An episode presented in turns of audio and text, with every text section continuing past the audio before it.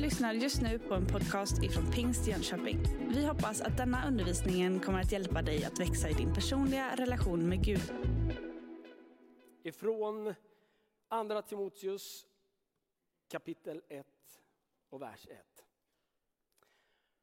Från Paulus, genom Guds vilja, Kristi Jesu apostel, enligt löftet om liv i Kristus Jesus. Till hans kära barn Timoteus. Nåd, barmhärtighet och frid från Gud, Fadern och Kristus Jesus, vår Herre. Jag tackar dig, som jag liksom mina förfäder tjänar med rent uppsåt. Jag, förlåt, jag tackar Gud, som jag liksom mina förfäder tjänar med rent uppsåt och minst dig ständigt i mina böner, dag och natt. Jag minns dina tårar och längtar efter att få se dig igen för att fyllas med glädje. Jag har blivit påmind om den uppriktiga tro som finns hos dig och som fanns redan hos din mormor Louise och din mor Unike. Jag är viss om att den finns också hos dig. Därför påminner jag dig om att du ska blåsa liv i den nådegåva från Gud som finns hos dig sedan jag la mina händer på dig. Ty Gud har inte gett oss modlöshetens ande utan kraftens, kärlekens och självbesinningens. Skäms alltså inte för vittnesbördet om vår Herre och inte heller för mig som är fånge för hans skull. Utan lid för evangeliet du också med kraften från Gud. Han har räddat oss med en helig kallelse. Inte på grund av våra egna gärningar utan genom sitt beslut och sin nåd som han skänkte oss i Kristus Jesus redan före tidens början.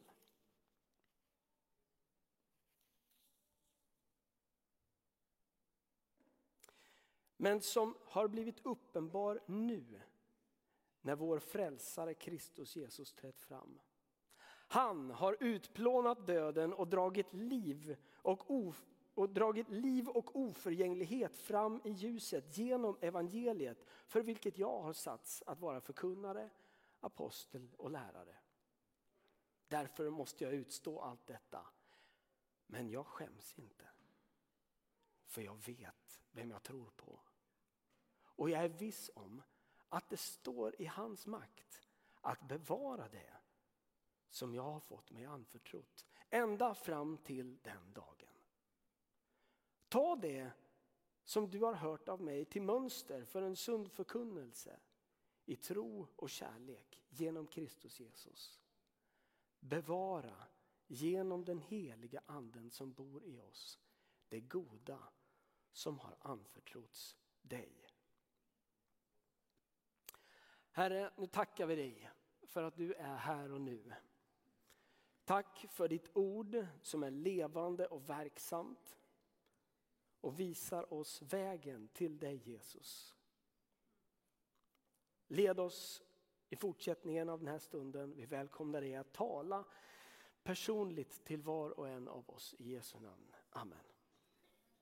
Varsågod och sitt.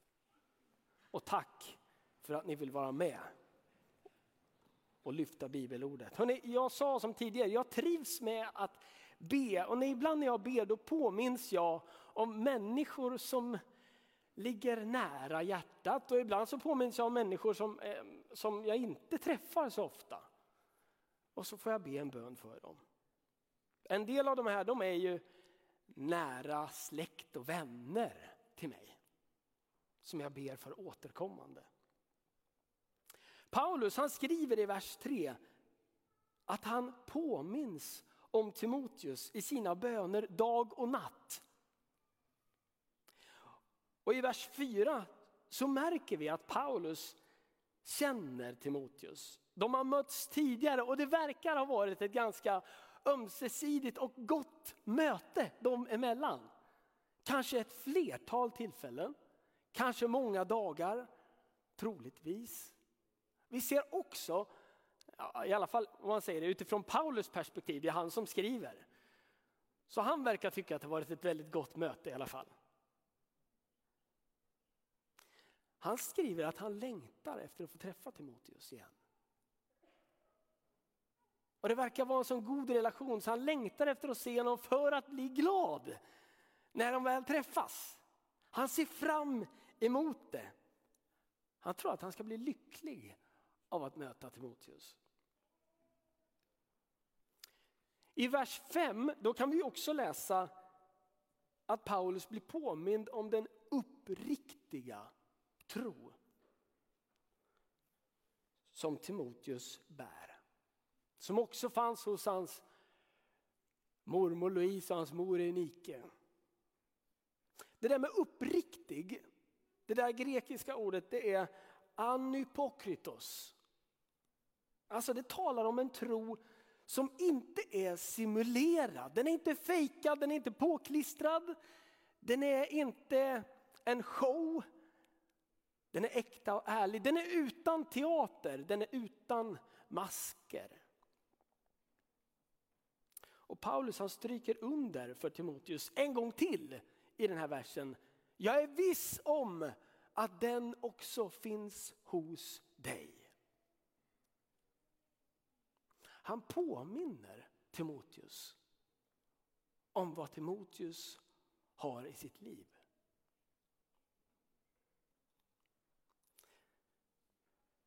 Vad tror du att Gud vill påminna dig om idag? Om Gud skulle slå sig ner på bänken bredvid dig nu och påminna dig om någonting. Vad tror du att han skulle säga till dig då? Finns det något särskilt som du tror att han vill påminna dig om? Någonting positivt? Jag tänker att Gud oftast gör det. Han stryker under de goda delarna i våra liv. Absolut, ibland kan man bli påmind om de där sakerna man skäms för också. Det är sådär, Gud är ju ljus. Och ibland det som är mörkt i mitt liv, det känner jag av när han kommer i närheten.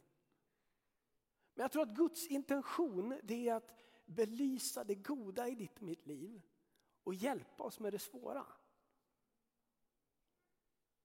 Vad vill Gud påminna dig om idag? Jag tänker att han vill påminna dig om att den där uppriktigheten utifrån den här bibeltexten är viktig i er relation. Att du och jag vi får möjligheten att vara totalt sanna med honom. Du kanske, ja, vi känner ju inte varandra allihopa. Det kanske är så att du kommer till den här gudstjänsten eller lyssnar via webben eller lokal-tv eller någonting annat och du tänker så här att ja, jag har nog inte varit helt ärlig med Gud. Du kanske har hållit uppe någon form av mask av någon anledning när du närmar dig Gud. Du kanske har varit tvungen att göra det. Det där andra som du helst inte vill visa, det, det, vill du helst inte visa. Och därför så är det rimligt, tänker man, att ja, men då sätter jag på mig den här masken. Jag tror att vi alla har varit där, mer eller mindre. Det kanske också är så att du finns här som har upplevt svåra motsättningar eller omständigheter i ditt liv på sistone. Och du kanske känner snarare att jag har lärt mig. Det är lika bra att vara ärlig. För jag behöver honom så otroligt mycket. Den här sista tiden har verkligen visat det. Utmanande omständigheter, det hjälper oss ibland att vara mer på riktigt, mer äkta, mer ärliga med vilka vi är. Och i vår liksom approach när vi närmar oss Gud, på vilket sätt vi gör det. En bön som jag läste nyligen gick så här. Ehm, Herre, jag söker dig idag. Ge mig vishet, frid och kraft att leva det slags liv du vill att jag ska leda. Herre, jag söker dig idag, ge mig vishet, frid och kraft att leva det slags liv du vill att jag ska leda. Och till att börja när jag läste den här så tänkte jag, då måste ha skrivit fel på sista ordet. Hjälp mig att leva det, vill, det liv du vill att jag ska leva. Hade jag känt mer rimligt. Hade matchat min, min vanliga tanke. Alltså, jag har känt mer bekväm med den. Men den där bönen den utmanade mig. Våra liv, de är inte bara... Gud har inte bara tänkt att vi ska överleva eller leva vidare våra liv och låta omständigheterna ta oss dit de själva verkar vilja. Utan han önskar att du och jag ska leda våra liv. Jag fascineras över alla de barnledare som faktiskt lägger så mycket tid på att försöka leda unga människor, de minsta. Oj, oj, oj, vilket tålamod man behöver ha. Jag är så imponerad. Om du är kvar och är barnledare här i vår kyrka eller någon annanstans så bara, eh, alltså de borde nästan få en applåd. Kan vi inte ge det bara? Så här. Tack. Otroligt imponerande. Jag vet att ni säger så här, men man får så mycket tillbaka och det är ju det är också sant. Jag vet ju det.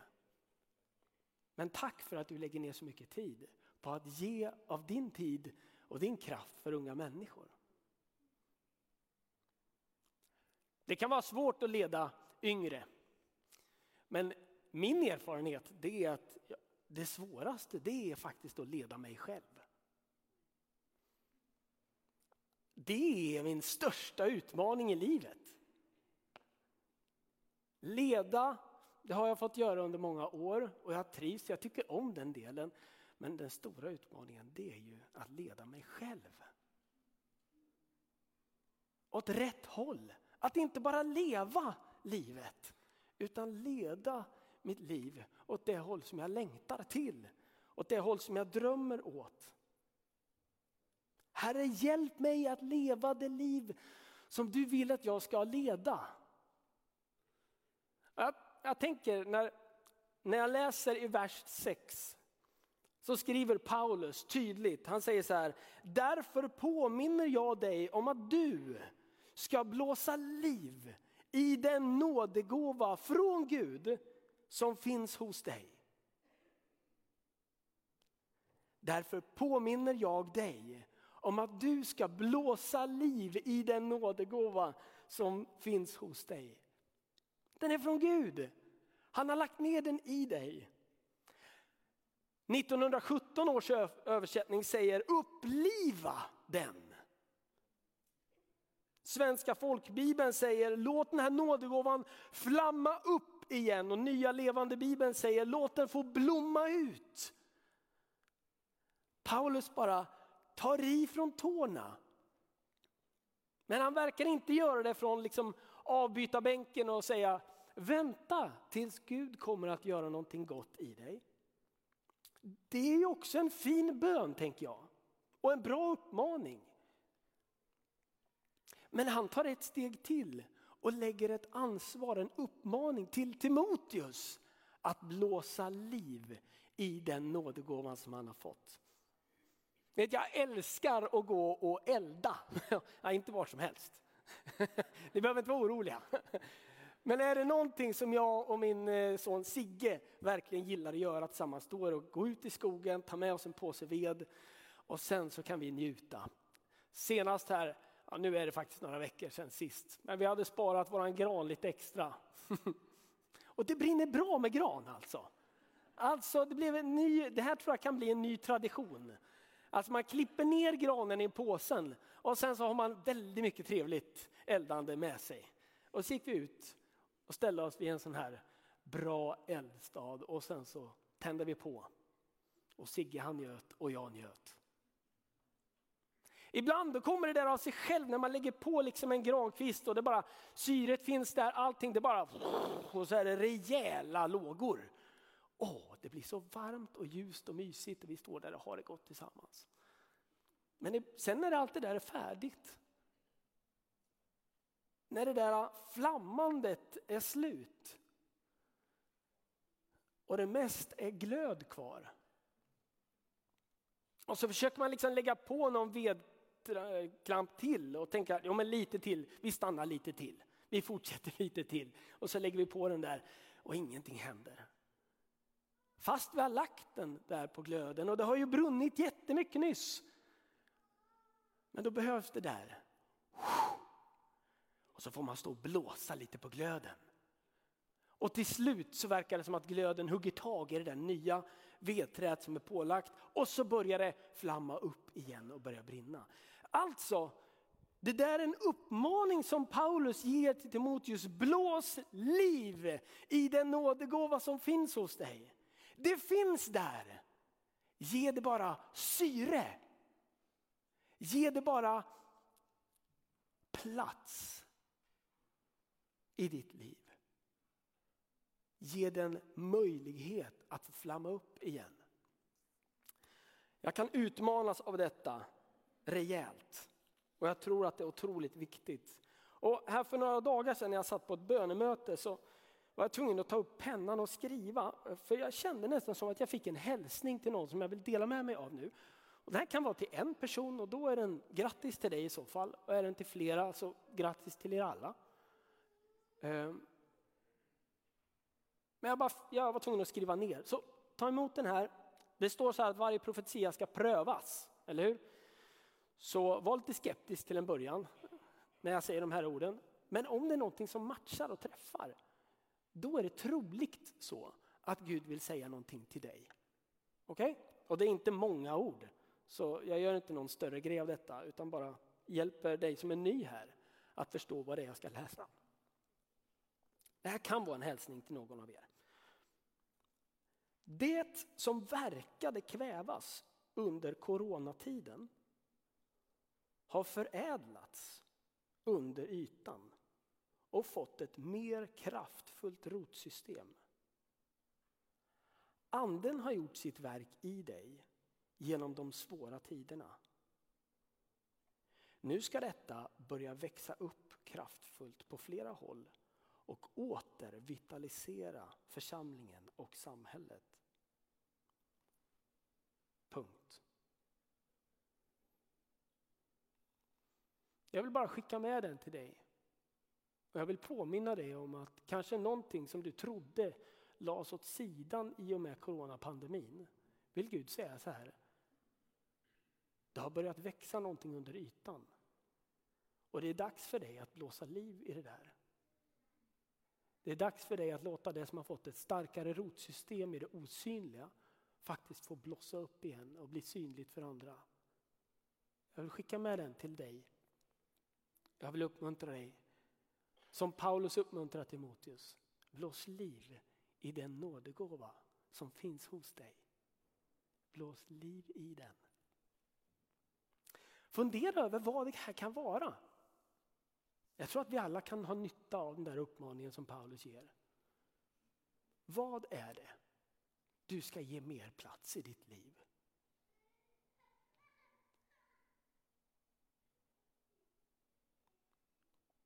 Vad ska få blomma ut? Vad ska få flamma upp? Och vad ska få plats i ditt liv igen? I vers 6 så poängterar också Paulus någonting annat otroligt viktigt. Han säger inte bara det här, det vi uppfattar att Gud på något vis ger en hälsning till Timoteus. Men det är inte liksom Gud som bara planterar en hälsning till den svenska liksom individualisten, individen som bara en person får vara med om. Gud säger någonting till bara mig. Nej, här i texten så upptäcker vi att det sker på också ett annat sätt. Paulus får ju vara med. Han påminner ju Timoteus om att blås liv i den nådegåva från Gud som finns hos dig sedan jag la mina händer på dig. Eller hur? Han la sina händer på Timoteus. Vi uppmuntras att lägga våra händer på varandra och be för varandra.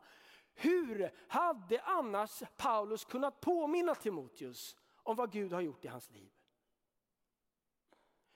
Du och jag behöver fortsätta att be för andra och varandra. Så att du och jag kan påminna varandra och bli påminda av varandra om vad Gud har gjort i vårat liv.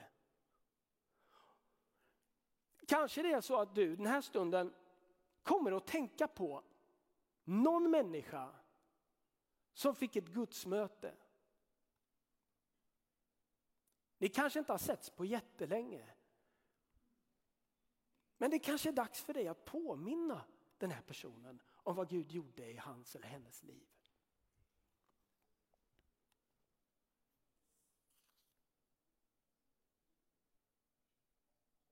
Vem är det?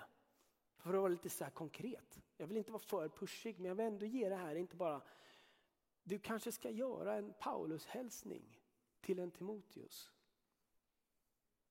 Vilken ung människa runt omkring dig behöver få en hälsning? Det kan ju vara en äldre också. Det kanske är en gammal vän. Men gör det. Notera nu det här för dig själv så att du inte tappar det. Vem borde du kunna höra av dig till? Och när ska du göra det? För du vet, den där hälsningen, den kan göra den stora skillnaden. Din relation med en annan person, din inbjudan. Nu ska ni få se ett vittnesbörd här på skärmarna. Ehm, jag ber Fredrik att sätta igång ett vittnesbörd ifrån en man som heter Paul Cowley. Varsågoda. Often as we look back, we can see that God can use our mistakes. And goodness, I've made so many of them. God didn't put me in prison, I did. God didn't make me get two divorces, I did. But He's helped me all the way, th- all the way through it. You know, dysfunctional parents, alcoholics, thrown out when I was 15 through an argument with my father, uh, moved into a squat with a, with a gang, got in trouble with the police, ended up with a prison sentence, came out of there, joined the army at 21, uh, two marriages, two divorces, almost alcoholic, from being bullied at school to joining the army boxing team and being a bully in a uniform. My mother died. Um, I hadn't seen my mum since I was a kid. She got ill. She had cancer. My mum and dad were both heavy smokers and heavy drinkers. Uh, a long story short, again, she got put into hospital. I had about 10 days with her and she died. She had a massive sort of um, tumour and, uh, and just fell asleep in, in my arm. And that was a catalyst for me, really, to, um, to start thinking about stuff. And that set me on a journey. And then shortly after that, a friend of mine said, You've got lots of questions, you should probably try an Alpha course. You know, 16 years in the army. I've jumped out of airplanes, I've done rifle courses, I've done military, I've done courses on everything. I'll do a course on God. And I remember just sitting there listening to these talks, and I thought, do you know what? I'd never heard any of this stuff. It was all completely new to me. And, uh, and I prayed. And my prayer was, if you're up there and all this stuff is true, and you can make me a better man, you can make me a better character, you know, you could make me, hopefully, a faithful husband, a good father, someone who people would like, then you know what, let's go for it. And then things started to change. Really weird stuff was going through my head. You know, I thought, I've lived with my girlfriend eight years. Maybe we should get married. We talked about it and we got married. Prayed and got my son back in my life who left when he was three. He's now 36 and living with us. And now I've got a 18 year old daughter who's gorgeous. I mean, if you'd have told me, you know, a few years ago that I would be a vicar in the Church of England, I'd have said, You're completely crazy. It was the furthest thing from my, it wasn't even in my mind. I still have to pinch myself at, at times. So I'm working with people now who really I've been around most of my life. A lot of people I can relate to. I work with the homeless, those affected with mental health issues, those in prison, those coming out of prison through a charity called Caring for Ex-Offenders. And I was presented with a, an MBE for, for me, which I think is really exciting for working with ex-offenders. And to be honoured like that is, is extraordinary. And it's what God says I have a good and perfect plan for your life. Plan to prosper you and not to harm you. Plan to give you hope and a future. And He says that He will never leave us nor forsake us. And, and that for me is what, what keeps me going. Mm. Han kommer aldrig överge dig eller lämna dig oavsett vad du går igenom i livet. Han har någonting fantastiskt att ge dig. Han har en plan för ditt liv. I verserna 7-8 så står det så här. Gud har inte gett oss modlöshetens ande utan kraftens, kärlekens och självbesinningens. Skäms alltså inte för vittnesbördet om vår Herre. Och inte heller för mig som är fånge för hans skull. Utan lid för evangeliet du också. Med kraften från Gud. Skäms alltså inte för vittnesbördet om vår Herre. Alltså tillsammans så får vi vara med och sprida det glada budskapet om vem Jesus är. Om jag skulle ställa en fråga till dig, vad, vad har Jesus gjort i ditt liv? Om du skulle försöka tänka på ett ord, vad är Jesus för dig? Ja, nu utmanar jag dig lite grann att luta dig framåt här i lyssnandet. Och inte bara vara lyssnande, utan också vara lite deltagare. Om du skulle säga ett ord som får säga någonting om vad Jesus har gjort för dig. Vilket ord skulle det vara? Nu får du tänka lite.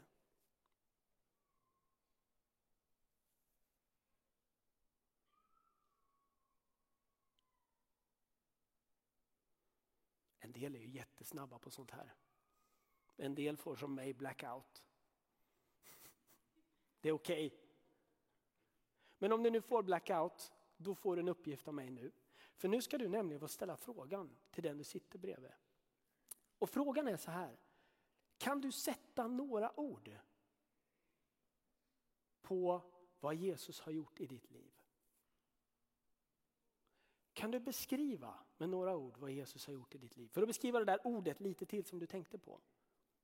Sätt några meningar till det ordet och berätta för den du sitter bredvid.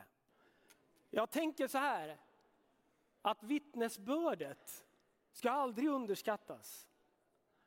Berätten, berättelsen om vad Jesus har gjort i våra liv, det ska fortsätta. Är det någonting som du och jag är skyldiga, då är det att föra vidare vad Jesus har gjort i vårt liv. Och tro inte att Jesus har gjort något litet i ditt liv. Att det inte är värt att talas vidare om. Det Jesus har gjort i ditt liv, jag är så nyfiken på det. Och vi kan aldrig mäta våra berättelser om vad Jesus har gjort, att det här var ju jättestort och det här var ju jättelitet. Nej, Jesus har gjort något fantastiskt i varje människa. Det är det som är det glada budskapet, eller hur? Att inte Gud värderar den ena människan högre än den andra, utan han säger, jag har dött för er alla. Jag led på korset för din skull och din skull och din skull och varenda en av oss. Berätta vidare. Vart skulle du vara utan Jesus? Ibland behöver man vända på perspektivet. Har jag någonting att säga? Ibland kan man tänka, inte bara vart har Jesus fört mig eller vad har han gjort för mirakel i mitt liv eller sådär. Ibland kan man tänka, vart hade jag hamnat om det inte vore för Gud? Då kanske man upptäcker, ja, om jag inte hade haft Gud i den där stunden eller det där momentet i livet, vem vet vart jag hade hamnat då? Vad har Jesus gjort i ditt liv? Berätta det vidare, för det vidare till nästa generation. Om du har familj, se till att de får höra. Du kanske tänker, men de är inte intresserade. De vill inte höra det där drabblet. Kanske du tänker. Men låt mig säga så här. Att Jesus blåser liv i någonting när du ger det utrymme. När du skapar utrymme för berättandet om vad Jesus har gjort i ditt liv, då är du inte ensam med att ge det syre. Jag är övertygad om att Gud över tid skapar nyfikenhet och intresse runt evangeliet. Han är sån.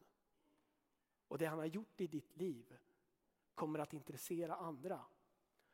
Så kanske det är på nästa fikarast som du skulle ta till orda och säga någonting. Eller kanske på den där promenaden, lunchpromenaden.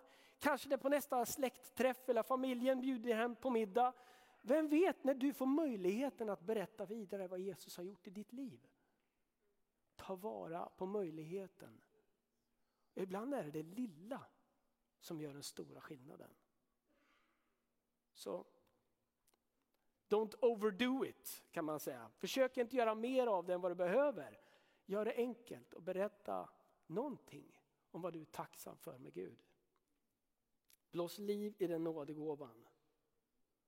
Ge hoppet vidare, ge evangeliet vidare. Annars tappas det bort. Och det vill vi inte, eller hur? Inte för dem som vi längtar efter ska få vara med om att upptäcka vem Jesus är. Jag vill skicka med en påminnelse mitt i detta. Och det kan vara så att du lyckades få en liten lapp i näven när du kom hit idag. En svart lapp där det står så här, du är inbjuden. Den där den kan du antingen tänka så här, den där var verkligen till mig. Det här låter intressant. Det ska jag nog prova. Eller så tar du med dig den där lappen och lägger den på fikabordet på jobbet. Eller vart du nu tycker att den passar. Kanske det är någon som kommer att få en otroligt spännande termin framför sig. Tack vare att du bara bjöd in. Inkluderade. Rekommenderade någonting bra. Eller hur? Don't overdo it. Gör det inte för svårt. Gör det enkelt. Det är mitt tips till dig. Bjud in. Du har just lyssnat på en podcast ifrån Pingst Jönköping. För att få reda på mer om vilka vi är och vad som händer i vår kyrka så kan du gå in på pingstjonkoping.se eller följa oss på sociala medier via pingstjkpg.